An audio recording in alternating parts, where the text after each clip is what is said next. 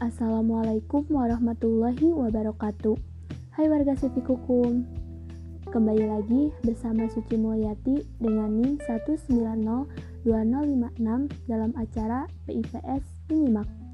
Tadi kita sudah mendengarkan tanggapan untuk kelompok 15 Nah sekarang Suci akan menanggapi kelompok 16 dengan pemateri Winaura Kiraina Jana Hanggita, dan Devira Dwinta Maharani.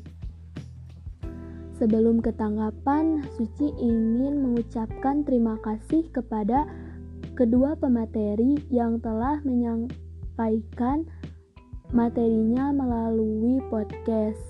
Semoga materi yang disampaikan bisa kita terapkan untuk masa depan.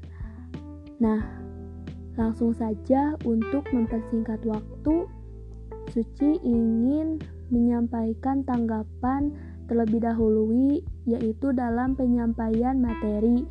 Nah, untuk kedua pemateri dalam menyampaikan materinya melalui podcast sudah cukup bagus dengan suara lantang, santai, dan tidak terburu-buru, tetapi dalam penyampaiannya sangat jelas. Lalu untuk tampilan Salindia, ketika Suci melihatnya dan membacanya, tampilan Salindianya bagus, menarik dengan adanya animasi animasi animasi lucu dan corak warna yang sangat menarik sehingga menampilkan kesan Salindia yang menarik dan tidak bosan untuk dilihat. Selanjutnya, dalam penyampaian makalah atau dalam penulisan makalah, rupanya kelompok ini sudah melaksanakan tugasnya dengan bagus, sehingga dalam penyusunan makalahnya pun terlihat sudah rapi dan sesuai dengan sistematika yang diberikan oleh dosen pengampu. Nah, selanjutnya